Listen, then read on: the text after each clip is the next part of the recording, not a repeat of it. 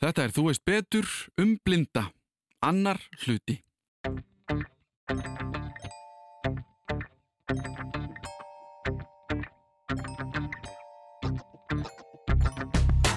Ég vakna svona mótnana og fer að sofa svona á kvöldin.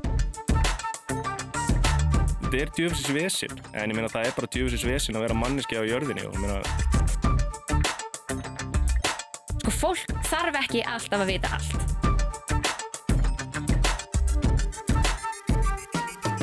Í síðasta þætti byrjuðum við á samtali um það að vera blind. Þau Íva og Keli settust niður með mér og við rættum allt sem þessu tengist. Þau gáðu mér opið skotleifi til að spyrja að öllu milli heimins og jarðar, eitthvað sem við ætlum að halda áfram með í þættinum í þetta skiptið. Við endum þáttinn síðast þegar við vorum að færa okkur yfir í ymsar tæknipælingar og þar tökum við upp þráðinn. Til upprifunar byrjuðum við þó kynningu frá viðmælendunum sjálfum. Ég heiti Íva Adrikem, ég er 23 ára, ég er söngkona, nýútskjöfuð með B.A.prófi í klassísku söng og ég er laganemi við Háskólinni Reykjavík. ég heiti Þorkell Jóhann Steindal og ég er einstæður hundafæður.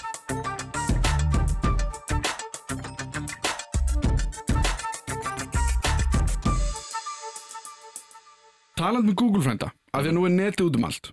Svo sannlega. Hvernig eru þið á netinu? Hvernig eru tækin Ó, já. sem að þið notið? Þú segir þetta eins og sett alltaf mikið á netinu, Íva. Já. En bara við, við hérna, tölum um Facebook, Instagram, ég síðasti þátturinn sem ég var með einn einhvern tíðan um daginn var um samfélagsmiðla. Ég er enda hægt á samfélagsmiðlum, Er þú, já, ok. En, þegar ég þarf að posta ykkur um tónlist. en Nei, hvernig er til dæmis bara það? Sko, Tölvunar tala bara við okkur. það er orðið bara þannig. Já. Og lesa fyrir okkur. Já. Og ég meina við notum flíti líkla, við notum ekki mís Mhm. og það eru bara, já, svona skjálestrar forrit og hérna talgerðlar sem að miðla okkur þeim upplýsingur sem okkur vantar á í tölvum, sko. Maður ítir tvöfald í Já, símanum. já, við mitt. Veist, ég meina, Ítir. Sem Já, þú ítir á hvað, hann segir hvað það ít á Já, og og þú þá ítir. Já, já, þú svæpar og þá stekkur á mitt, ég meina, því ég er með iPhone og ég meina, ég hugsa að ég sé betri að nota síma minn heldur flest, flest sjáandi fólk sem ég þekki, sko. En hvernig er eins og með að því að þegar við vorum að reyna að finna út úr tíma og eitthvað svona, Mm. að þá ringdi ég alltaf Já. og ég, hugsa, ég, ég hugsaði, vá, það er svo langt sinni ég hef verið að ringi fólk. Að því að fólk sko ringir ekkert nú til dags. Aha, ég held nefnilega að þú er svona pínu fyrir ekki orðbræði nójaða típan sem vildi halda sko vinnunni aðskildi frá privacy. En þess að ég er svo vön því að fólk búið mitt bara til messengergrúpu. Já, er það? Já. Nei, það var ekki tilfelli. Okay. Alls ekki. Ég, vinnan mín og mitt er skilið þessu- alltof samofið. Nei, ég hefði náttúrulega skilað þessu fullkomlega, þess vegna ég bara svona, ha, respect. Já, ok, það er kannski eitthvað sem ég þarf að gera meira af. En sko, það var ekki málið. Ég hugsaði bara, ég hugsaði Já, texti óaðgengilegur. Já, ég hugsaði bara, ég get ekkert verið að senda þeim SMS eða Facebook skilabóðið eitthvað. Það bara virkar ekki þannig. Jú, jú, það virkar þannig. Ég svo sagði þér mér þess að þú geti talað um að messenger. Ég meina, Nei, Jú, var ég sagði það? þér að víst í kringlinni. Ó, ég var glemti, ég verið of stressaður, ég verið of eitthvað, mikið eitthvað, og mikið að vanda þig. of mikið að vanda mig, en einmitt, þannig að það er bara fæn. Já. Eða, ég meina, í mínu tilfelli, En eins og íslenskan, afsakið ég gríp fram með fyrir það, en ég hugsa bara íslenskan sko, ég hugsa að ok, ef þetta er enska, þá er eitthvað til talgerflar alveg bara heilmikið að þeim. já, já, haugur. sko. En að, út af íslenskunni þá hugsa ég, ok, kannski erum við ekki komin á þann stað með íslenskuna? Jú, jú, Ok, það, það eru til íslenski tala. En ég meina, í mínu tilfelli, ég, ég nota iPhone, það er eitthvað sem ég er vanið með og mér finnst þægilegt. Mhm. Hann kann ekki að tala við íslensku rattirnar sem að blindrafélagi lit smíða fyrir, hvað er það, tíu ár síðan? Það er fyrir einhverjum árum síðan. mm. Þannig að, veist, ég hef bara þurft, svolítið þurft að læra nýtt tungumál og það er sér satt síminn minn að tala íslensku. Sem er kannski ekki alveg svona nákvæmlega það sama á íslenska. En, Með mjög þykkum og þungum Silicon Valley hreim. já, já. já, En ég meina, veist, ég er bara búin að gera það nógu mikið til þess að, veist, ég þarf að vísa aðeins að hæja á hérna hraðan, veist, yfirleitt er, er ég með sem sagt hraðan á talgjöldunum mínum í, í hundra og fólk er með spurðal bara býtu, er þetta tungumál? já, Af Því að, veist, þetta er bara og, nefn, veist, og við erum bara svo vörn að hlusta á þetta, ég, ég heyri þetta alveg jafn skýrt og greinilega eins og bara manneski að tala við mig en, en hinn er sjáandi mitt eins og ég segi, það var spurt, er þetta tungumál? Þá er þetta bara svo brjálæðislega rætt að því að maður náttúrulega veist, þú sér bara fyrir því hvernig þú opererar símaðin eða þú þyrtir að lesa upphátt nafn, nafnið á öllu áður en þú klikkar á það, ég meina ímyndaðir hvað þú væri orðin geðsjúkur á því að fara í gegnum þessa valmöguleika, þannig að við erum með þetta svona hratt bara, að því eins og segja það sveitir maður bara, veist maður gerði ekki mikið annað en maður ætla að fletta í gegnum síma sína á talhraða. Og sama með tölvurnar. Og það er bara eitthvað sem að þjálfast bara upp. Svo er þetta líka svo þægilegt að því að það er engin að, að með nefið í því sem maður er að gera í símanum. Maður getur slögt á skjánum. Já, já, og verið bara Það er engin einmitt. eða bara verið með heyrnatól ég er endar hef aldrei skilið sko fólk sem er með síman sinna að háa blastin á þess að vera með heyrnatól maður er bara svona hei þetta trublar sko Já, En- já. Þetta Ég- er sjáandi fólkið. Þetta nei, er nei, sjáandi. nei, nei, Ekki? blind fólk sem er með voiceover í botni Já, ok. Já. Það ég er alltaf með sko Airpods Já, eða já. Já, En sko, að því við tölum um blindastafinn, Mm. en þú ert með hund, jeps. Já. Hver er, þú veist, Íva, er þú ekki með hund? Ákveður, ég reynda skil ekki já, ég skil ekki ákveður bara, mér langar svo sjá- mikið í hund sjálfum, en þú veist, þetta er auðvitað kannski aðeins öðru sig, ég veit það, en ef, svo ég veit núna aftur í þegar Kelly var að labba yfir göduna, af því það sem ég fannst svo magnað, af því ég fylgdist með því, Mm. af því bæði að ég var stressaður og að því ég var að hugsaði, ég hef aldrei séð blindamannisku fara yfir götu áður Mhm. ekki það var maður að labba beint á mótið þér Mhm. og hann var í einhverju smá annarlega ástandi og ég hugsaði, Mhm. hann er ekki að fara að þú veist, hann fattar ekkert hvað er í gangi já. hann er ekki að fara í, að víkja eða gera eitthvað öðru sig og ég hugsaði, þeir eru að fara að klessa okkur annan Mhm. og þá kom Gaur og ég fylgdist með honum Mhm. og hann bara brr, byrjaði að íta þér bara í hinn áttina af því að hann var að segja bara, heyrðu, það er einhver beint á mót okkur Það er eitthvað vitlisingur það eru framann. Já, og ég hugsaði þetta er eitthvað það geggjast sem ég séð á æfi minni Þetta er svona það minnsta sem hann getur gert. Sko. ég veit, ég veit það, en fyrir mér, ég hugsaði Já. bara hversu klár er þessi hundur hann veit svo algjörlega hvað er í gangi Já, ég meina hann er, veist, búið með í hunda árum sjö ára námi í, í því að passa upp á blind fólk, þannig að næstu því komið með doktorsgráðu í því að passa upp á blind fólk, sko, Já, en þú veist að, ég, ég hef eiginlega aldrei skilið sko það að því að þú með þenn- þennan félaga Mhm. sem er ótrúlega góður í því sem hann gerir Mhm. Uh, af hverju eru þið ekki öll með svona félaga? Er það bara persónlegt eða þú veist, hvernig Já, líka bara, ég meina, getur verið það svo þetta er náttúrulega rosalega vinna að halda þessu við af því að þessi hundur er að læra alla æfi og Mhm. þú ert ábyrgur fyrir að kenna honum já, Mhm. það, það er svolítið máli og ég meina, ég gerir náð fyrir því að fólk hafi alveg vart við það svona á, förnum vegi að að mæta ykkur liði með ykkur svona andsetnar raðgræslu rottur sem eru gemmandi og geðugar þannig að það segir okkur svolítið það að, já, við erum að tala um því. Já, því að það, það eru bara ekki allir sem hafa karakter til þess að vera með hund, sko. Já, og það er ekki allir sem hafa áhuga á því og það, það er kannski svolítið það, það skiptið þarna í tvent það eru margir sem hafa ekki áhuga á því, það eru margir sem treysta sér ekki í skuldbindinguna og það eru hreinlega bara margir sem hafa bara ekki burði til þess að gera já, það andað þú með nefuna og freskjaðin Já, svo líka er þetta bara ég meina, þetta er alltaf dýr.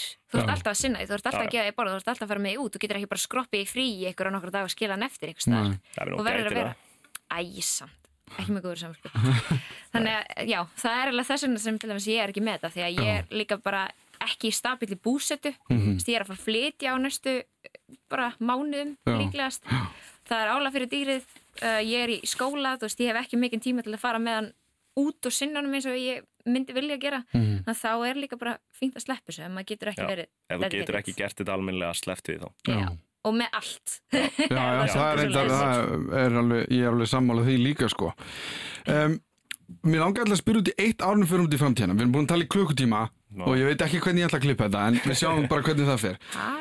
vandabál Það er sér, já, algjörlega. og, og ekki okkar vandamál ég veit það það. er einmitt uppáhalds vandamálin mín En sko, það er uh, ástarlífið. Ólala Ólala. Sko, af því að við höfum talað um skinnjun fólks á blindu fólki. Mhm. Og upplifið þið það séu minni tækifæri út af því að þið eru blind eða upplifið þið að það séu bara blindir með blindum þú veist, hvernig er svona bara tilhugarlífið, ég meina þið eru bæði fullorðin þú veist, auðvitað er þetta bara alveg eins og hjá öllum öðrum en setur þetta einhverja skorður upplifið þið það? já, ég meina, já og nei Mm. Veist, ég, meina, ég hef alveg lent í því oftar en einu svona oftar en tvis þegar maður hefur verið eitthvað, eitthvað að skemmta sér og hafa lent á, á einstaklingur sem eru hreinlega bara með svona blindra fettis Er það? já, já, What? Ok, ég þarf að yfirheyra um það eftir. já og, veist, og þá er það bara aðal málið að, að- að ég sé blindur og, og, veist, og það bara þykir rosa svona Það er hot, já, já. Já svo náttúrulega minna, veist, ég myndi nú vilja meina að svona, svona klassist myndalegt svona útlít mitt hafi nú eitthvað með að gera Jú, jú, en, en, þú veist en það, það er definitely eitthvað sem ég hef lent í sko. mm A- Er það slæmt? Sko að því við höfum öll okkar svona hérna preferensa sko. Já, ég minna, veist, var það slæmt ef að ég myndi laðast bara á konu með stór brjóst, ég, ég veit það ekki. Það er minnst að, minnst að vera frekar sjálf og að fólk horfi á mig og sér bara blindan mann, veist, að ég er líka alls konar aðrir hlutir. Þannig að jú, veist, mér finnst að vera, vera vafasamt. Að, að, að, Já, ef það er bara það. Já, Já, en það er kannski, ef þetta væri bara, já, ég veit, já, reyndar, ég er að reyna að spinna þessu upp í eitthvað sem væri hugsanlega jákvætt, en já, já, ok. Það er mér, já, veist, eins og ég segi, veist, þetta er svona frekar sjálf og ég, meina, ég, ég myndi ekki, uh, já, allavega hef, hef ekki hingað til svona gert þessar stúlkur af, af varanlegum kærustum mínum. Nei, Það er svona svo erfitt að greina þetta milli hvenar einhver er bara að hugsa um blinduna og hvenar um, ekki. Þið sumir líka að reyna að brjóta ísin með því að spyrja einhverja spurninga um blinduna og það getur líka alveg verið ágætis æsbreykar. því að ef mannskjarn sæmilega djúpa þá leiðir eitt af öðru og já, bara svona. Já, já. mhm, En einmitt, ef fólk festist bara í að tala um blindina og fer svo bara, þá, þá er maður svona, já, já, takk fyrir að henda tímanum mínum í ruslið. mhm. En, En af því að þú sko, þú, þú talar um að maður myndi laðast bara stórum brjóstum eða hvernig sem það er, Mhm. sko, ykkar upplifun af því, af því að þið náttúrulega sjáuð ekki, Mhm. þannig að þið getið ekki bara hort í kringum ykkur í herbyggi og sett þessi, eða eitthvað, og þið getið ekki verið á Tinder að fara til myndum, nei, Er það? en það er svona svo mörg önnu skinnfæri sem Já, spila inn í já. líka bara hjá sjáandi fólki. Já, já. eins Já, en það er sko það sem ég er kannski að spurja út í sko. Hvað er, er það, þú veist, ég veit, ekki getur hvern- fas, já. lykt, attitút, hvernig einhver kemur og með aðra. já orðrómur, orðaval, Mhm, Já. Uh, val á, á umræðefnum. mhm, Ef þú snertir manneskina náttúrulega hvernig er hún viðkomin. Já, mhm. Þú veist, það eru alls konar hlutir og já, já. sem er líka bara meiri hluti þegar hluta sem sjáandi einstaklinga dæmi eftir, sko. Já, Svona er allt í enda allavega, fyrir utan myndir á Tinder. Já, af því þú veist, ég hugsaði mitt sko út af því að við erum í svona frekar yfirborðskendu ástandi einhvern veginn, varðandi þetta sem snýst svo mikið um útlitt Mhm.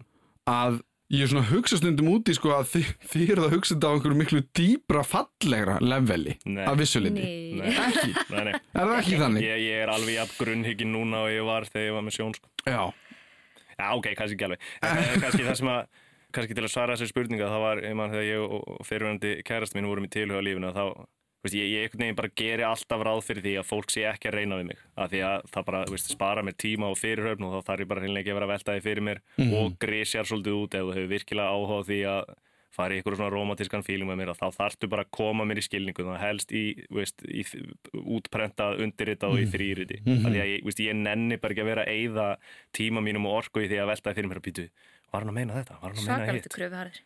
Já. Já, og það var alveg, eins og segir fyrirhund kærast, hún var alveg bara, það endaði með því hún var alveg bara, fyrir ekki, hérna, veist, ég er búin að vera að reyna við því í þrjá mánuði. já, Alveg, nennir þú vinsanlegast bara aðeins að, veita mér aðtikli og ég er bara, er það? Já, það er það. En þarf það þá ekki að vera skýra? Jú, það, það, það er sem sagt Þú málið. veist, tilhuga lífi, það þarf að vera bara að því að, Já, meina, ég, ég tala náttúrulega bara fyrir sjálfum mig, ég er ekki, ekki talsmaður blindra og sjónskerstra og heimsísu, en í mínu tilfelli það er það svolítið, ef, þú, ef þið vantar að koma þessum skilabóðum til skila og taki nú vel eftir alþjóð, þannig að næstu þið hitti mig á djáminu, að þá þarf bara að vera rosa skýr, að því að ég nenni ekki að vera að eyða tíma mín með það að lesa í einhver möguleg eða ekki möguleg merki eða ekki merki, að ég bara hef einfallega betri hluti við tíma minn að gera. mhm, Já. Þú veist sammála þessu, já. Já og nei, sko. ég er svona aðeins naskar í að sjá kannski merki. Já. Hvernig? Af því ég hugsa bara með einhverjum augnráð eða þú veist svona eitthvað svona svip eða eitthvað. Já, en líka bara hvernig ykkur talar, Mm Já, hvaða hann velur. Hvar viðkomandi staðsetur sig í, í rými nálat manni, Já, snertingar. Mhm. nefnilega, sérstaklega náttúrulega djáminu, sko. Mm. En hjá mér samt er tilhuga lífið ónýtanlega svolítið svona flóknara kannski vegna þess að ég er lesbía já, og laðast að konum þar að leiðandi og þú veist, það er markarinn er minni já, og svo það maður líka að spotta, veist, hver er fyrir konur og hver er bara að reyna að vera næsum hann. Já, já. Já, það er ekki hérna- skrítið að þú sért betri að lesa í þessi merkjaldur en ég, sko. Þú þarft að vera betri. standardfórmúlin svona cis-head hvítur kallmaður sko. Einmitt, þetta getur verið alltaf einfaldur. En, en sko, En- já, en það, djammið, af því að þið, þið nefndu það bæði. Má ég, Já, sorry, ég, já, ég ætla bara að segja, en, veist, en eins og tilhuga lífið og svona, þú veist, fólk sko, komum við aftur að umhverfinu, Mhm. að þú veist, það getur verið mjög óþægilegt fyrir þær sem er að deyta mig, vegna þess að það er aldrei lesið eins og við séum par. Já, já. Þú veist, það var alltaf haldið um mig og fyrirvændi að við værum systur eða Mhm. að kærastan mín var aðstofkona mín já. Og væri Bíddu- líka, þú veist, og það, það, hún var stundum skömmuð fyrir að passa mig ekki nógu vel Mhm. og alls konar svona, maður bara svona hello, þetta er konan mín Mhm. Já, af því að, að því að þú sért hvað þá? Fólk heldur að þú getur ekki verið í sambandi eða Já. hvað? já, þú veist að ég sé lítið baby sem þarf Já, að já. passa og þú veist, þessi Það er bara kemur aftur bara á annan punkt sem við tölum um á hann Já, og þessi gæla sem er með mér er þá bara barnapíjan að passa litla baby sko. Mhm. það er ekki neitt sem gæti verið romantíst eða kynferðislegt eða, eða whatever Mhm. þar Ég, hef reykið með þetta líka og það getur verið ótrúlega sko bara emotionally erfi sko, Mhm. ég, ok, eins og með þessar spurningar og dónaskap og þetta sem vorum að tala um mm. ég höndla eiginlega hvað sem er, þú veist, orð eru bara orð Mhm. þú veist, ég þarf líka að bera ábyrða mínu tilfinningum kringum þau en aftur á móti, þegar aðstandendur mínu hvort sem það er einhver sem ég er að deyta hvort sem er að vin mín er að mamma mín og pappi eða whatever, ef þau þurfa að þóla áreiti mín vegna og óvegandi spurningar Mhm. og óvegandi aðtöðsendir, það sker mm Þá svarar maður fyrir sig Já, Já, þú veist, ég vil ekki, ég menna, besta vinkonu mín um daginn fekk spurningu um hvernig ég nota dömubindi. Veist, þetta er ekki eitthvað sem ég vil Já, að besta vinkonu mín þurfa að díla við. ekki cool Ekki cool, ekki sexy, ekki neitt á nokkurn Mhm. hátt, sko. Mhm. Og eins með kærustunum mína, þú veist, ég vil ekki að stelpuna sem ég er að deyta þurfa að vera ábyrgar fyrir, veist, að fá ykkur að skammi fyrir að passa mig eða þú veist, að þær sé svo duglegar að vera með mér eða, eða Já. einhver svona, þú veist, fólk segir stundu bara hluti þess að maður er bara, ha? já, og eins og a- annað dæmi þú veist, úr tilhuga lífinu mitt ég var að, sagt, þetta var úti sko og við, þú veist, við þurfum að hafa í huga samfélagsgerðin þar er öðruvísi, heldur en á Íslandi en ég var sagt, með kærustunum minni og vinum hennar og það var einhver stelpa sem, sagt, ég hef talað við í kannski svona fimm mínútur og hún kemur til mín og segir hérna, já, veistu, ég, þú veist, ef ég væri blind, þá var ég örgulega líka fyrir konur vegna þess að mér myndi finnast rosalega skeri að veit ekki hvernig kallmenn líta út og veist, ég þekki náttúrulega bara eigin líka mig, ég bara ha? Þú veist, þannig verð ég bara og, og kærastan mín heyrði þetta sko. Ég bara, hugsa fólk er svona, er ég svona einf bara, ha Að þú er ákveð að vera lesbía því að, já, einmitt Þú veist, ég hef ekki einu svona pælt svona langt og þú veist, þetta er já. bara gjössanlega í ykkur djöflasýru, sko. Mhm. En auðmingi Anna var bara eitthvað, jæja, við skulum koma heim, þetta kvöld er búið. Þú sko aldrei umgangast fólk aftur Já, já, Nei, einmitt samt, þú veist, og hún þurfti náttúrulega að díla við það að ég, þú veist, að ég fekk, þú veist, hún var svo leið fyrir Mhm. mína hönd Já, já. að vinkonennar hafi sagt þetta og maður, ó, þetta skar í hjartað, sko. Já, og ég skil það vel meina ég hef oft lent í því að- fengi það komment alveg, hei þú ert geðið heppin að vera blindur þá getur þú sofið og geðið ljótum stelpum.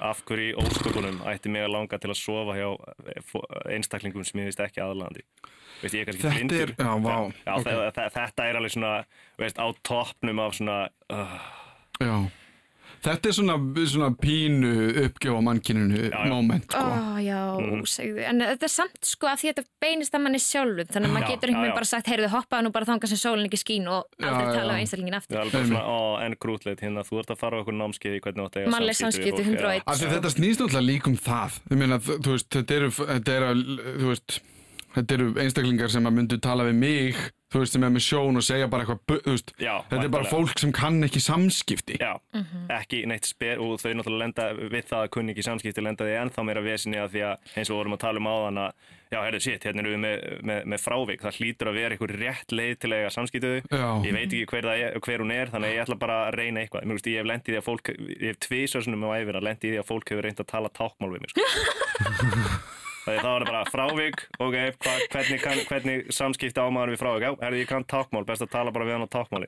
Oh boy Og ég held bara, ó, nei, þetta er sennilega ve- versti mögulegi samskiptamóti sem þú getur valið í þessu. Það fólk er svo mikið reyna Já, og, Þetta er veistu hvað? Já, krútlegt, það er það. eiginlega, Þetta er- sko. Þetta er Það verður krútlega veginn. Já, En sko, þá langar mig aðeins að tala um djammið, Mm. af því að þið nefndu það bæði. Mm. Sko, djammið er ekki sérstaklega, sko... Blindravænt. Já, Nei, Myndið þið segja það? Já, Ok, eins og í Reykjavík, ég meina, þetta eru pakkaðir staðir, geðveikt hátónlist, jú, jú. Allir einhvern veginn Eins og í dýragarði. Í dýragarði, þú veist, En let's face it að fólk samt sko sleppir sér og það kannski kemur stundum hreitna fram já, þegar það er í glasi og er að Min, skemmta minni sér hömlur. Það eru minni hömlur Einmitt. og þess vegna stundum nýtum maður þess eins og Já. ég er að fara í vísindaferða eftir, ég hlaka til já, já, einmitt. en hérna en svo náttúrulega lendur maður líka alveg í svona hlutum um það sem maður er bara að segja, já þetta kvöld er ónýtt bless, Já, bless. Já, En- eða veist, trú mín á mannkinn er búin. já, en þú veist, maður á oft rosalega djúb og góð samtölu við fólk á djaminu sem er þá ekki ofurölvi en Já. samt svona aðeins Já, svona í gullna rammanum. já, Já. gull, já, einmitt. Og maður gerði þetta sko, þú veist, þegar maður var á svona fykt tímabilinu, þú veist, að þá var maður stundum svolítið viljandi að missa stjórn Mhm. svo að maður, þú veist, misti sjálfur hömlunar og væri ekki að ofhugsa allan fjöndan eitthvað svona, þú veist, og þú veist, ég held að mín skerðing, ef ég má vera persónuleg, hafi leitt til þess að ég leittist út í ákveðna áhættuhauðun Mm. Byrju, hvernig það það? er bara, ég held ég, mjög algengt sko. bara- Sem er svona bara eitthvað, svona, svo ég sletti bara eitthvað svona fuck it,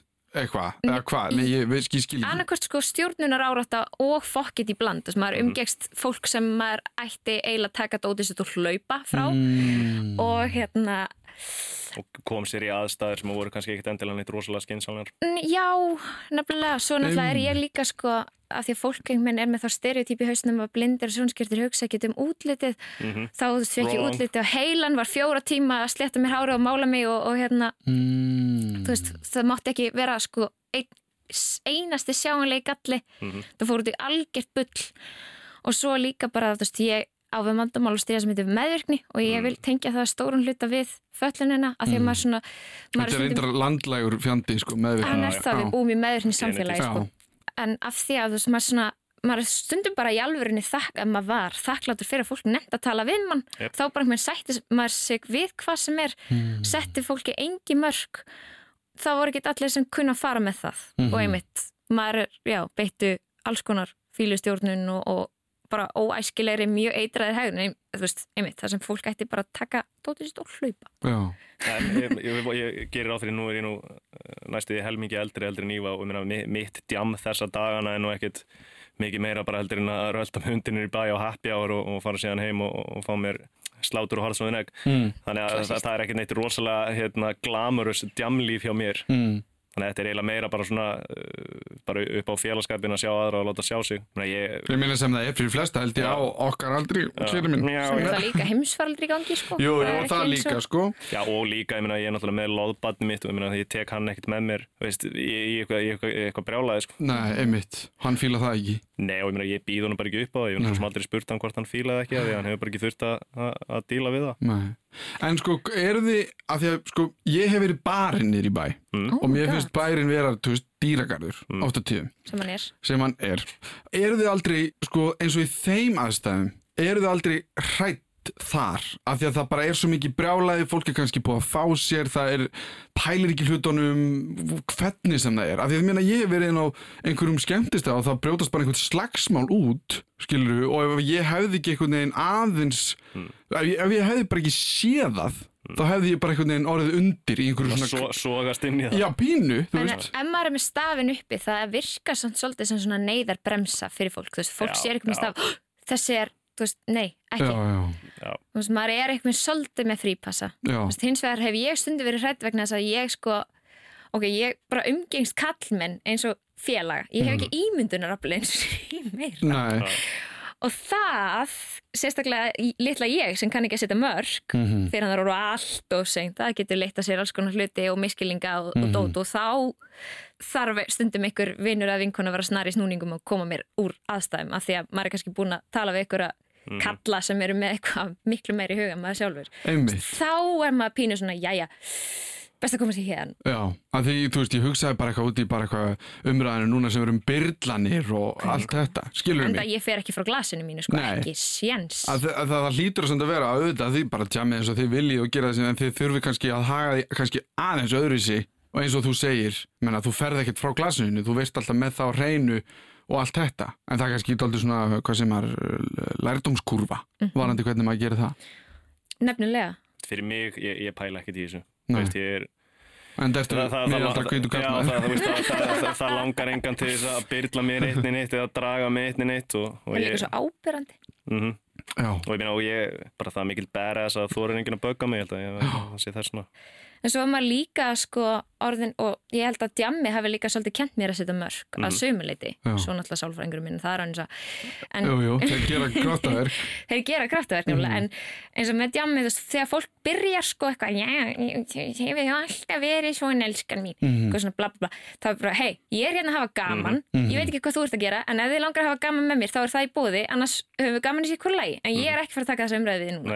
ég ég, segja saman, ég er mjög harður með þetta alveg bara ef þið langar að vita eitthvað um þetta þá getur þú farið inn á síðu blindrafélagsins. Næst getið þið sagt, þú getur hlusta á þú veist betur þátt sem er að Já, farið bara hérna inn á já, líka eins og með þessar óvegandi spurningar eins og með, með dömubindin og svona. Já. Sko, fólk þarf ekki alltaf að vita allt Nei, af því að það myndi heldur einhvern lappu á einhverju bara annari konu og segja hvernig nota þú döfubindi? Nei, líka sko, þú veist, ma- menn þurfi ekki alltaf að vita allt og ef þið vilja vita eitthvað þá eru örgla til ykkur pælingar um það á netinu. Sumt, þú veist, ég, eins og ég hef sagt stundum bara, ég, ég ætla að leifa þér að glíma við þennan mm. þangagang í friði. Mm. ég ætla ekki að svara þessu, en líka eins og vinni mín eru stundum svona, já, hvernig málar þig? Ef ég er að fara að hitta og hvernig málar ég, ég er bara svona veistu, þú veist, ég hef ekki tíma að ég díla við þetta núna, ég treysti bara, ég er að gera það og ég er að leiðinni, bye bye En hvernig málar þið samt? með svona málning, snirtuverum gerir ég ráð fyrir Já, en sko, Mikið á púri. það, já, þetta er náttúrulega bara tilfinning þá Eða hvað? Þetta er, já, að mestu leiti síðan ég tók nú námskeið í mirrorless makeup hjá breskri konu sem kom hinga til Íslands. Ú, fancy It's fancy. Þú veist, ég nota hendurnar kannski aðeins meira Já. en, en hérna fólk Annars bara, já Og hérna stundum spyrja, hei, er ég eins og trúður? En að örleiti og ég vanlega ekki eins og trúður þannig að hún er sér ekki núna. og svo er þetta bara það er tæla En svo er þetta líka bara, endalös rútína. Eins og, eins og Keli sagðan, ef maður gerir hlutina bara nógu oft. Mhm. En þetta eru svona hlutir, þú veist, mann man langar ekkit að ræða þá alltaf. Stundir langar mann bara að vera að flýta sér og mála sig eins og annað fólk og mæta staðinn og það er gaman. Veist, ég, ég vil hafa gaman. Ég vil ekki vera í ykkurum endalusum útskýringum á hvernig ég hef gaman. Ég vil bara hafa gaman. Puntur. Basta. Nákvæmlega og það er mér, veist, ég, ég hef velti fyrir mér djóklaust að láta fjölda framlega svona bæklings og þú hefur hitt kela á djamminu og síðan kemur bara, veist, æfisaga mín og, veist, og þegar maður fær spurningar eins og, hvernig er að vera blindur Alveg, í, í, í alvörunni Dreifa svona bæklingum með vel. og kleinur Já. bæk. Nei, ég hún að sjá að vera bara með bunkt í brjóstvasunum og ef ég lendi í þessu bara, lestu þetta bara. Mhm.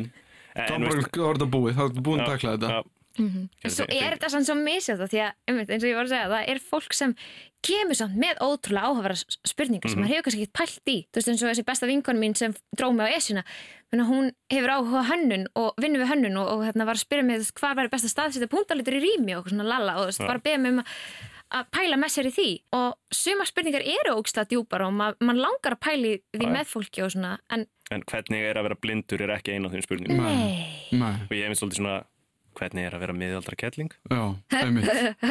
Hvernig er það er það? yfirleitt þær sem að spyrja þessu. Já, einmitt. Hvernig er að spurja óviðeigandi spurninga á börum og svo finnst mér, mér að það er eiginlega uppáhalds óviðeigandi spurningi mín er akkur átt engin börn? Er það vegna þess að þú vilt ekki skila sjúkdómnuðinum áfram? Bo, bo, bo, og uppáhalds svari mitt við þeirri spurningu er nei, ég er sem sagt með vansköpu kynfæri.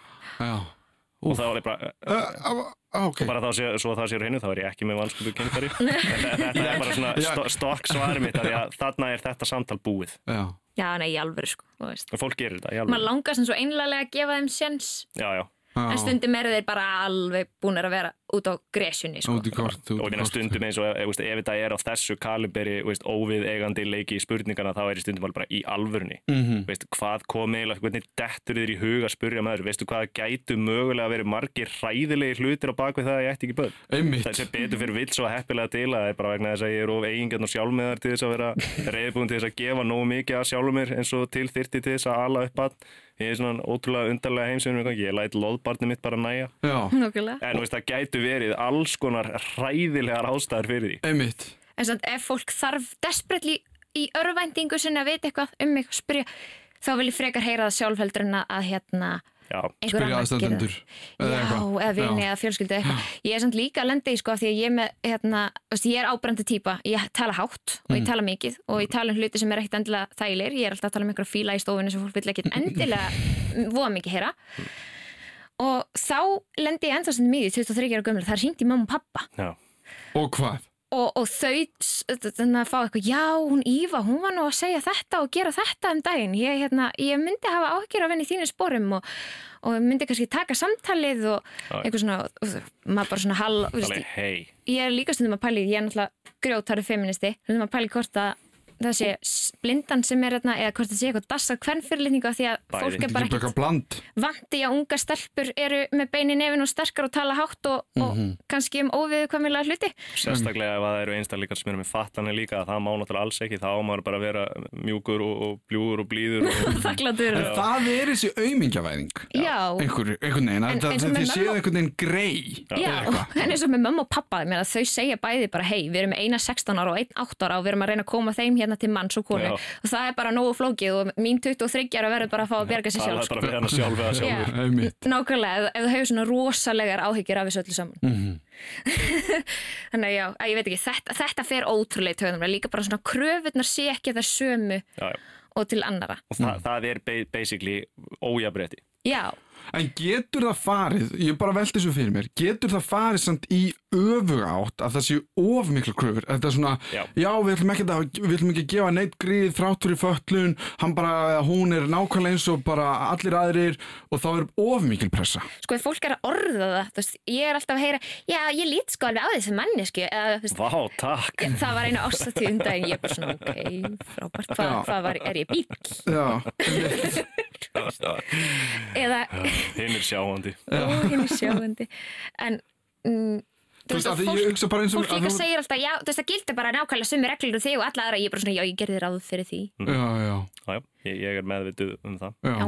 það er ekki mér En eins og, ég hugsa eins og um börn og svona, sko, að því, eins og við tölum um áðan, að hvort það geti farið í of mikla, að það farið í overcompensata, sko, í hinn áttina, að það verði bara of mikla kröfur. Sko, þetta, þetta veriðist vera svolítið öklega eira annarkort finnst fólki við vera aumingjar eða þá að við erum ofurhetjur Veist, þetta er eins og, eins og orðið duglegur og nú byrði ég alþjóða að leggja vel við hlustir. Næsti sjáandi einstakleikur sem segir við mér að ég sé duglegur að ég mun kílan í andlitið sko. Æ, kili, ég vil ekki Ok. fara að setja inn. Ok, ok, eh, veist, ok, leið mig kannski að endur þetta. Eins og bara núna í dag þá var ég að labba með gaur og við vorum að fara yfir götu. Og það var sér satt einhverju geðsjúkir hundar að gelta okkur í garðinum og, eitthvað og ég stoppaði þarna og var bara að hlusta eftir bílunum og vorum að fara yfir gangbrut og það koma mjög indælar og ég vonaði að sé að hlusta á þetta stelpur stúlkur úr MH og spurðu mig mjög kurteislega "Þar- þarftu aðstóð til að komast yfir götuna? Og ég er alveg bara svona, ó, henn hvað er krútlega mikið var þetta fallega hugsa, nei takk, ég, ég er alveg full færum að gera það sjálfur en þakk ykkur kellaði fyrir þetta var fallega hugsa ok, þetta var skipti nummer eitt. Það hafa komið dagar hjá mér þar sem að svona atbyrðir og fólk að segja mér að ég sé duglegur og fólk að reyna að þröngva hjálpsum upp á mig að veist, við erum að tala um að, að veist, í svona 20. 30. skipti sem það gerist þá er farin að vera rosalega lítið eftir af umbörlundi mínu gagvart mannkinu kringum mig og, og, og þólimaði mín gagvart því að veist, og ég ger mig grein fyrir því á lókiska nátt náttúrulega fyrir einstaklingnum með 30 þá er hann að gera þetta í fyrsta skipti.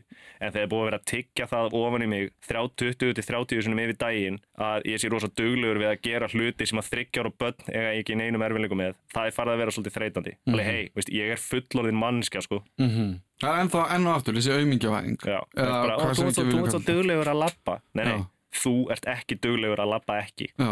veist, það er ekki ég og bara, "Á, þú ert duglegur að labba nýr bæl nei, En veist, þú ert ekki nú að duglegur að nota rassinkeli, við vorum að tala um það aðan. já, ég, er, ég er að vinni svo Það- duglegur að hætti glas og fara að borða og svona, þú veist, alls konar hluti. og líka það sem að mér eiginlega uppáld þú ert svo duglegur að koma á barinn? Alveg, nei, nei, nei, það, það er akkurat andstaðan við að vera duglegur að fara á barinn. Þú veist, þú ætti frekar að segja að ég væri duglegur og sér mig einhvern tímann ekki á barinn ég fekk þetta sko þegar ég var 15 ára og var að stelast sko langt undir lögaldri. Og maður bara svona, já, ég er duglega að breyta lögi en er það ekki? Jú, dugleg. En, en samt er þetta samt, öðvist, þetta er svo vant með farið vegna þess að ég veit til dæmis að ég er sjálf stundum bara mjög hörku dugleg, ég meina Já, ég vinn ég er í skóla.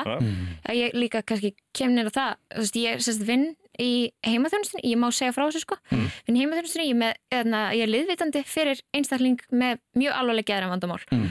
og það hérna er ekki ég, nei, það er það ekki þú það að reyna En ég meina eins og þegar við förum stundum eitthvað í búð að þá er komið fram við okkur sko, ná, það er nánast spurt hvar er liðsmaðurinn ykkar. já, já.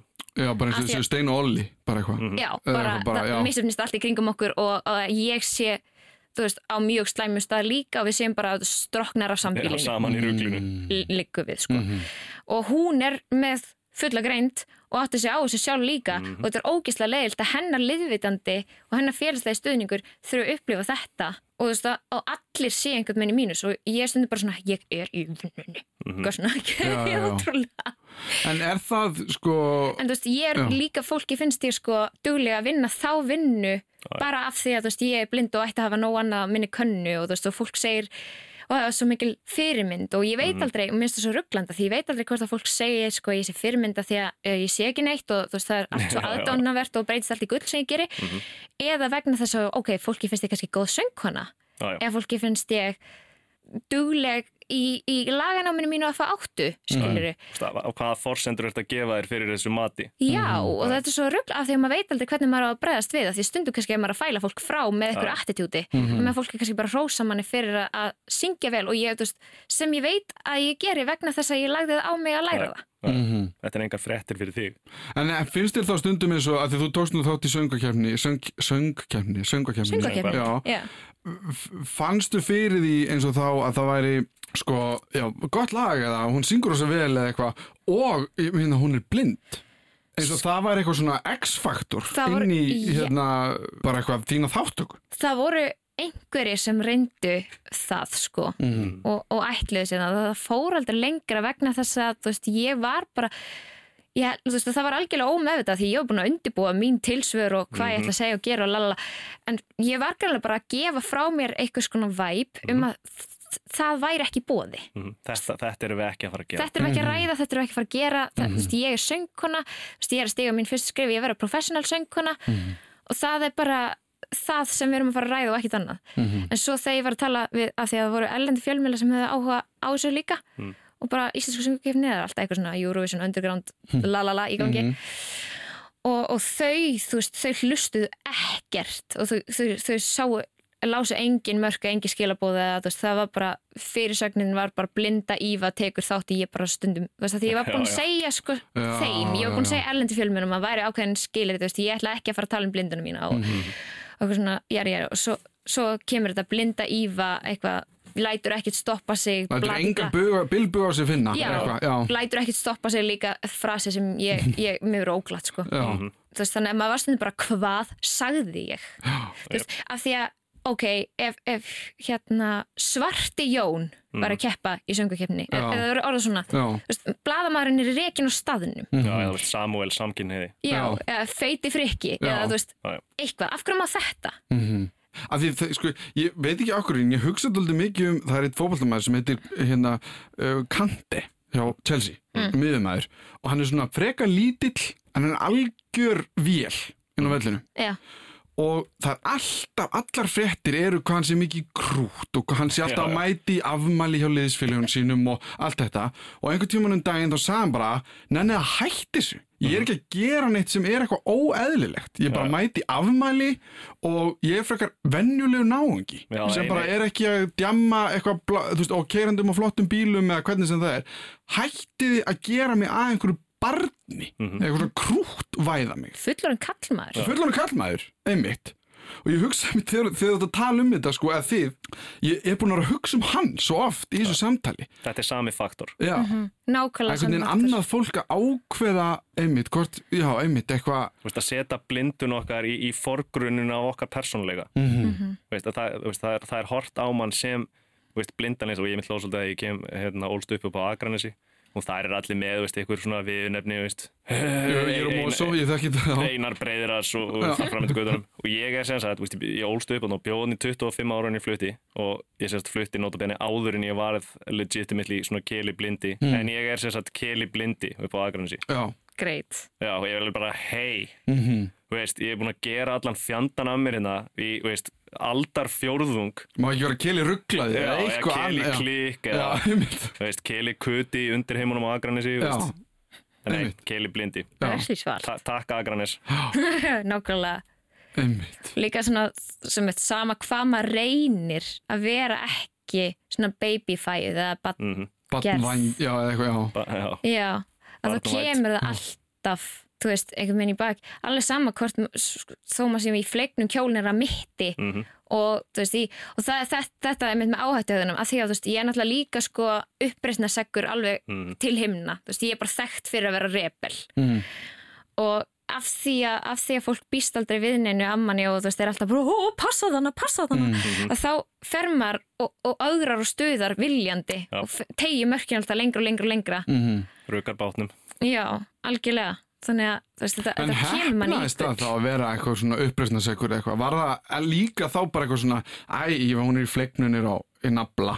Æ, Hún er krúttið. Hún er nú meira krútið. Nei, það er nefnilega svolítið hefnast og maður Já. er alveg búin að byggja upp svona pínu front Já, þú veist, já sem maður er líka bara sáttur við og hann er svona líka svona mitt á milli já. og einmitt, ég er að vinna í því að- læra að setja þessi mörk og ég er að læra að vera, þú veist, að setja niður fótinn og Mm. Einmitt, umgangast ekki fólk sem er hérna, mókast fyrir mína hönd endalaust og, og finnst það greinlega bara gaman Já, og, og það, fleira það er alveg óþólandi sko. ekki, ekki Já, tíma. fyrir... Gó, góða fólki sem ætlar aldeilis að taka upp hanskan fyrir auðmingans blinda fólki sem er ekki með mikið bein í nefinu til að standa fyrir sér sjálft Mhm. það er alveg djöfi ég tek alveg fyrir það sko. Já, og líka það er, ekki, það er ekki það sem maður vill umgangast eða hafa í, í sínu lífi sko vegna þess Nei. að þeir sem tala hæst ég veit að fólk verður brjála þegar maður segir þetta þeir sem tala hæst hafa yfirleitt ykkur beinagrindu sjálfur í skápnum. Ó já, Já, já, einmitt. þetta er alveg nei, nei, þú ert ekki að reyna að vera næs þú ert að reyna að stjórna aðstæðum og vera frekja. Já, þú veist að stjórna aðstæðum og líka sjá sjáu hvað ég er góð Já. þú veist, Þetta er svolítið svona liði sem að setur myndbönd af einhverjum gaurum að murka selkópa svona inn á internetu og ég, ó, ég er svo á móti að selkópar séu barðið til döða með kilvum Alveg, Já. sorry, veist, þú ert ekkert að fá neinn bráni það, það finnst öllum Já, hræðilegt hverju finnst það ekki? nákvæmlega, þú veist, þú þarft ekki að gera ráð fyrir því að þú þarft ekki, ef þú, ef þú rekst á einhverjum sem finnst það ekki hræðilegt, er það undatækningin En þe- þetta líka kannski ke- kemur inn á svolítið skemmtilegan punkt að uh, með þetta þegar fólk með veist, hugmyndir um okkur að við séum svo mikla geimurur einhvern veginn að svo verist halda sem að fólk eh, virðist vera sem að fólk haldi að það fá eitthvað meiri svona brownie points í að vera fyrir, það, fyrir það að vera góð við okkur eða að sína okkur tillit sem er heldur en almennum nága. Ég, ég lendi mjög oft í við náttúrulega gaurir mikið á ferðinni Veist, ég lendi oft í því við komum að, að gangbröð og fólk bara nöyð hemlar þegar það sér okkur Já, já, já. og veist, þú geti mögulega verið bara valdur og umferðarslýsum bara aftan á keislur og geður ekki að veist, Guð á ekkert eftir að að setja því í betra herbyggja í, himnaríkja því þú stoppaðir fyrir mér á, á gangbrut Hversu dark? hvað, hvað meinur þú?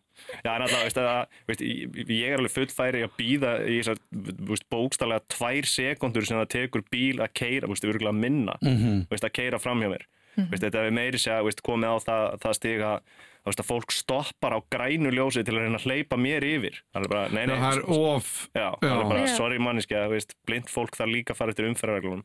Nákvæmlega, við, þú veist, við þurfum að fara eftir reglum, við búum í samfélagi, sko. Já, og, og líka eins og, eins og Íva myndist á aðan þegar það fer allt í fár þegar maður kemur, ég meina gott að einmitt að ég fór inn á kjúklingastæðin inn í uh, til að kaupa með kjúklingaöfi sem ég mæli tótali með og veist, ég hef gert þetta veist, miljón sinum áður, þetta er svona þegar ég nenni ekki að elda svona lokal lausni mín já, já. Og ég kem að inn og ætla bara að fara að panta mína eh, kjúklingavefju. Og það eru þrýr einstaklingar inni. Og veist, ég er með hundin og eitthvað. Og veist, það, það, veist, það er nákvæmlega engin fyrirhum fyrir mig að fara inn og versla ég veit nákvæmlega hvað afgröðsborðið er, ég veit nákvæmlega hvað posin er, ég veit nákvæmlega hvað mér langar í. En þegar ég kem að inn þá ætlar þetta ágæta fólk að fara aðstofa með aðeinslega mikið. Mhm. og þau voru bara svona hvert um annað þvert að reyna að hjálpa mér sem var bara til þess að ég bara svona hei, stopp. Bara, veist, þið eruð að flækja þetta mál um bara í alvörunni svona 300% vil ég ekki Já. bara láta mig í friði og leiða mér að panta mína kjúklingavefju ég Já. veit að þetta er gert að góðum hug en þið eruð bara einfallega ekki að hjálpa sko.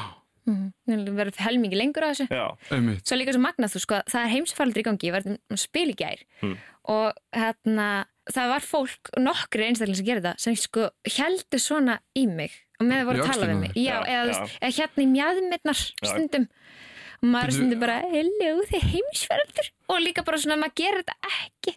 Til þess að hvað þá? Hver bara til þess að leggja punkturinn? áherslu á orð sín. Já, sumir, sumir verast halda að maður fatt ekki að sé að tala við mann nema að þið sé- að það sé snerting. Já, og stöðug já, snerting. það, það er eitthvað svona weird, svona blindra mýta sem að fólk er með En þetta er líka sko eins og það gilda önnu mörgum Já. okkur heldur en aðra. Mhm. Og veist, maður sér þetta líka eins og að þegar besta vinkona mín var ólétt á sinni tíma og ég var með, með henni veist, í kringlunni eða eitthvað. Og fólk var endalist bara að koma káðand á maganum á henni. Hún var á steipinum sko mm frá nokkra, nokkra dagi fæðingu. Og fólk var bara eitthvað strjúkenni og maður bara svona, uh, gerir fólk þetta? Ó, ok, Já, fyrirvænandi kærasta minn átti móðu frá Gambi og hún var með eh, svona hrokkið hár og það var bara, snert já, já, ég lendi sem með mitt hár sko, ó, sem er fluffy hár með, og fólk er bara grafandi andliti á sig í hárað mér sko. Já. Já. það er bara hvað kom eiginlega fyrir ykkur. En, en sko, bara svo við tæklum það allir með þess að tala, þú veist, og þetta með snertinguna á það. já, Eins og Íva, ég sá þig í kringlunni já, og Keli, ef ég sé þig í hlíðunum, þú ert að labba einhvers staðar. Mhm. Meina, ok, þú veist að þar myndi ég bara kalla. Já, já. Þú veist, það er ekkert eitthvað, þannig sé eitthvað vandamál. Mhm. En sko, þetta með eins og ég var svo rættu við að bregða þér, Nei. Íva, eða eitthvað. Það virkar ekki svo leiðis. Það virkar ekki svo leys. Ég bara segi Íva og síðan bara heyrur hvaðan ég er að koma. já. Þetta er ekkert flóknar en það. myndi bregða mér miklu meira með því að koma og leggja höndina á Já. axlitina á mér Já. Svona lörkast upp á manni. Já, og hallaðir yfir mig og tala um, já, sem fólk gerir alveg.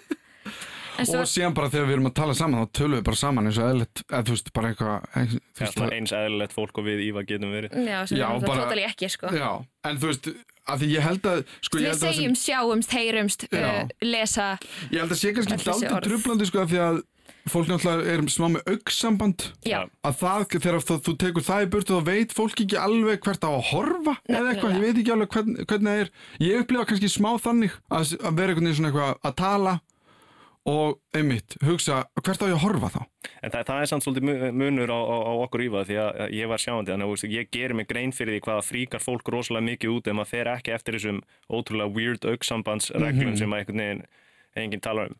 Heilin á mér gerir þetta bara sjálfkrafa. Ég, ég, ég veit hvar uh, hérna, hausin á fólki er út frá röddinni -hmm. og heilin á mér gerir þetta bara. Veist, horfur á fólk þegar að tala við þá en ekki of lengi veist, gjóa augunum þarna við þessar, þú veist, heilin á mér kann þetta ennþá og gerir þetta bara sjálfkrafa, þannig að það fríkast undir fólk út, alveg bara, hvað menur út blindur, þú ert að horfa á mig. Og nei, augun á mér eru að horfa á þig. Ég er ekki að horfa á þig. Auto-reaction. já. já, einmitt, þetta er bara Og- og- sjálfist og eitthvað. þa- þetta er bara, veist, automatist að því að veist, ég finn það um leið og ég fer eitthvað svona veist, og ég hef vel gert tilhörnum með þetta um leið og ég fer eitthvað svona Stevie Wonderast og, og horfa eitthvað út í lofti að það, veist, það fríkar fólk út. Og ég, ég lendi oft í því veist, A, að vera ásakar um það að þykjast vera blindur og B, er ég spurður að hvort ég sé leiðsöguhunda þjálfari já.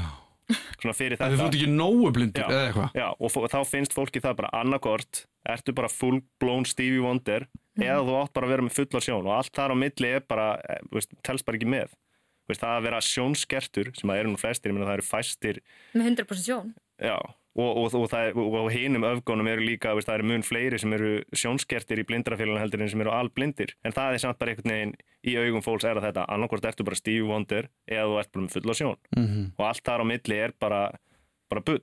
Veit, það var kona sem gargaði mig um laugavendan og þessu útlendingur. Og gargaði mig um daginn að, að- og, jósiðu mig fúkilum yfir það að- að að blindra hundar ætti að vera fyrir blind fólk. Og Í var alvöru? Já, já, What? já, já. Eiginlega uppáhaldsdæmið og það var nú þegar ég var nú að þínum aldri ég var mín, þá var ég nýri bæ og, með stafinn og, hérna, og það kemur eitthvað stelpum bara, bara heldur ég trúi því að þú sitt blindur bara, ég hef bara hóða litlar skoðanir á því hvað þér finnst og finnst ekki um hvernig ég er sko. Hún er bara já, ég trúi því sko bara alls ekki og síðan snerum við alltaf að stormi burtu og dundrað á ljósastur. Ok, það er svo gott, Já, það er svo já. instant karma Já, ég var ég mitt alveg bara svona takk. Vishnu eða Ganesh eða hver sem að sér um þetta. Totally karma, ég Mhm. þetta bönni sín þarna. Já. Ég var líka alveg bara, ah, stundum meikar heiminu bara sens. En sko, ef við förum aðeins í framtíðina uh, Ok, ég veit ekki svona hvað ég á að byrja Hvernig horfur hún fyrir ykkur? Bæði hvað var þar, þú veist, það sem ég velti fyrir mér er náttúrulega lík, bæði aðgengi, tæknimál, þú veist, allt þetta Mm. Er eitthvað sem að þið sjáðu fyrir ykkur, eitthvað sem vantar, er eitthvað á döfinni sem er mikilvægt og síðan líka bara ykkar persónulega líf, þú veist, hvernig sjáu þið framtíðina fyrir ykkur, varandi það? Íva, þú byrja núna Byrja ég núna, ok. Já. Sko, eins og í tæknimálunum, um, hún þróar, hún, tækni þróast hraðar en bara við ráðum við, líka við. Og eins og fyrir 20 árum þá væri ég líklegast ekki í háskóla bara vegna þess að tæknumöguleikarnir væri ekki fyrir hendi til þess að komast í gegnum allt námsöfni og fleira.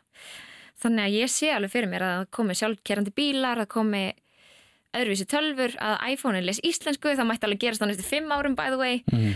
og bara alls konar alls konar litlir hlutir sko sem gæti auðveldar okkur lífið en í persónulega lífinu þá sé ég bara fyrir mér vola eðlilegt líf veist. ég væri til að vinna með sem atvinnu söngkona áfram Mm. og sem lögfræðingur ég er alltaf að reyna að garfast ekki í pólitík en það er svolítið vonlust að halda sig frá því þegar maður með sterkar skoðanir um, já, svo bara þú veist, þetta klassíska kona, heimili, köttur. Mhm. í mínu tilfelli. Já, ég er ekki hundamanneskja. Nei, og þú veist, með börn, sjáum til. Já, hvernig ástandið í heiminu verður og hvað það býður upp á. En þú, Kili? Framtíðin, já, ég meina það, það er náttúrulega eins og Ívar segir að ég meina, fyrir mig persónlega þá hefur tækninni fleikt alveg nógu mikið fram. Tæknin fullnægir algjörlega öllum mínum þörfum ég hef myndið verið spurður að bara, já, en þeir en að búa til eitthvað svona digital augu myndir ekki vilja fá sjónun aftur? Vist, nei, not really, sko. Ég meina, ég er búin að leggja á mig veist, ára langa vinnu og vesin við að, að ná þeim stað sem ég er á núna. Veist, ég þurfti að flytja, ég þurfti að, hundur minn er í tekin af mér veist, ég er bara rosa ánaði með þann stað sem ég hef skapað mér í lífin í dag. Veist, gæti að vera betri, já, já, öruglega, en þá náttúrulega heldur maður bara áfram að vinna í því. En veist, ég held að ég sé meira hamingisömmur heldur en minna og if it's not broken, don't fix it. Þannig að ég hugsa, eins og segi, ég hef ekkert eitthvað rosalega, rosalega plön fyrir framtíðan, en heldur en það bara halda áfram að vera svona tilturlega almennileg manniska og, og láta það svolítið leiða mig þangað sem það leiði mig. Sko. já, vera reyna að hafa það skemmtilegt Já. og spila úr þeim spilum sem lífið býður upp á sko. en eins og hjá mér líka ég menna, einmitt, ég gerir bara svolítið kröfur um eðlert líf sko. Já. og það er, þess blindan er voðalega lítill þess, það er bara eins og ég með krullað hár og Já, I don't know, þetta er bara svona hlutur sem er þarna eitt fyrir mér er hann ekki vesen, fyrir aðra er hann það ég skil það, ég skil það stuði Mhm. en já, öðru leiti vil ég bara hafa það gott og forðast líka, forðast líka allar veist, forðast einmitt að taka hlutina allt og næri mér og detti ykkur svona biturð Mhm. út af því hvernig fólk reaktar Mhm. og ég hef alltaf sagt sko orð eru orð og ég þarf sko af því fólk er líka svo rætt við að móðga mig ekki Mhm. af því að greinlega fyrst ég vera með smá skeri nærveru en, en ég meina, ok, ef ég móðgast hvað gerist? Þú veist, ég er móðguð, frábært, hvað þýð það? Ekki neitt, Mhm. þú veist það þýðir ekki neitt Mhm. Þú veist, ég er bara að valda sjálfri mig skada og því að fólk vilji ennþá frekar ekki að hætta á umgangast mig Já, já. þannig að já, og ég er svolítið að reyna að vinna með það og, og með það hugafar sko. Og þetta er kannski svolítið þessi svona línudans á, á, á milli umbörlindis og að missa vitið sko. en á sama tíma haldi í prinsip Já. af því að maður á náttúrulega að hafa þau prinsip að, veist, að fólk komi bara fram með mann eins og eðla mannesku og það er líka alltaf það sem ég er að segja þegar fólk er eitthvað, "Já, ég veit ekki hvernig að umgangast ég bara hvað viltu slaka á, anda Mhm. djúft og við eigum hérna samtala eins og tvent fullorði fólk Mhm. það, það eru engar gremlinsreglur eini munurinn á okkur ífu og þeim sem að sjá er að við sjáum ekki á öðru leiti þá er þetta voðalega svipað Mhm. og vola, getur rúlað vola smúði og allir Já. eru bara mjúkir og slakir og, og rólegir sko. mm og ekki vera að halda fyrirfram nú beini ég þessu til alþjóðar ekki halda þið þurfið að vera með á hreinu eitthvað svona blindra samskiptamáta reglugerðir eitthvað bara, þetta er bara það sama eins og eiga samskipti á annað fólk við erum bara tilturlega kurtis og þá gengur þetta rosalega auðvitað og smúðli fyrir sig sko. Þá er komið að lokum á þessu samtali okkar Ífu og Kela og því hvernig það er að vera blind. Ég hafði ótrúlega gaman af og vona að það hafi skilað sér til ykkar hlustenda. Þess má geta að þó það hefði ekki komist inn á upptöku vilduðu líka taka fram hversu þakklótt þau eru fyrir margt í sínu lífi. Sumt sem við rættum snýrist kannski um hérna eins og neikvæðu hliðar eða reynslur en þá er gott að leggja áherslu á að þó þær séu til staðar eins og hjá okkur öllum þá er svo margt annað jákvætt. Ég vil þakka Ívo og Kela fyrir að vera svona opinn og hreinskilin við mig, fyrir að lefa mér að spyrja eins og sá sem ekkert veit og ykkur fyrir að hlusta. Ef það eru einhverja spurningar eða ábendingar minni ég á postin minn allimaratrúf.is minn einni á síðu blindrafélagsins blind.is þar sem á nálgast allskins upplýsingar og meiri fræðslu ef áhugi er fyrir því. Ég þakka svo fyrir mig, þetta var Þú veist betur um blinda.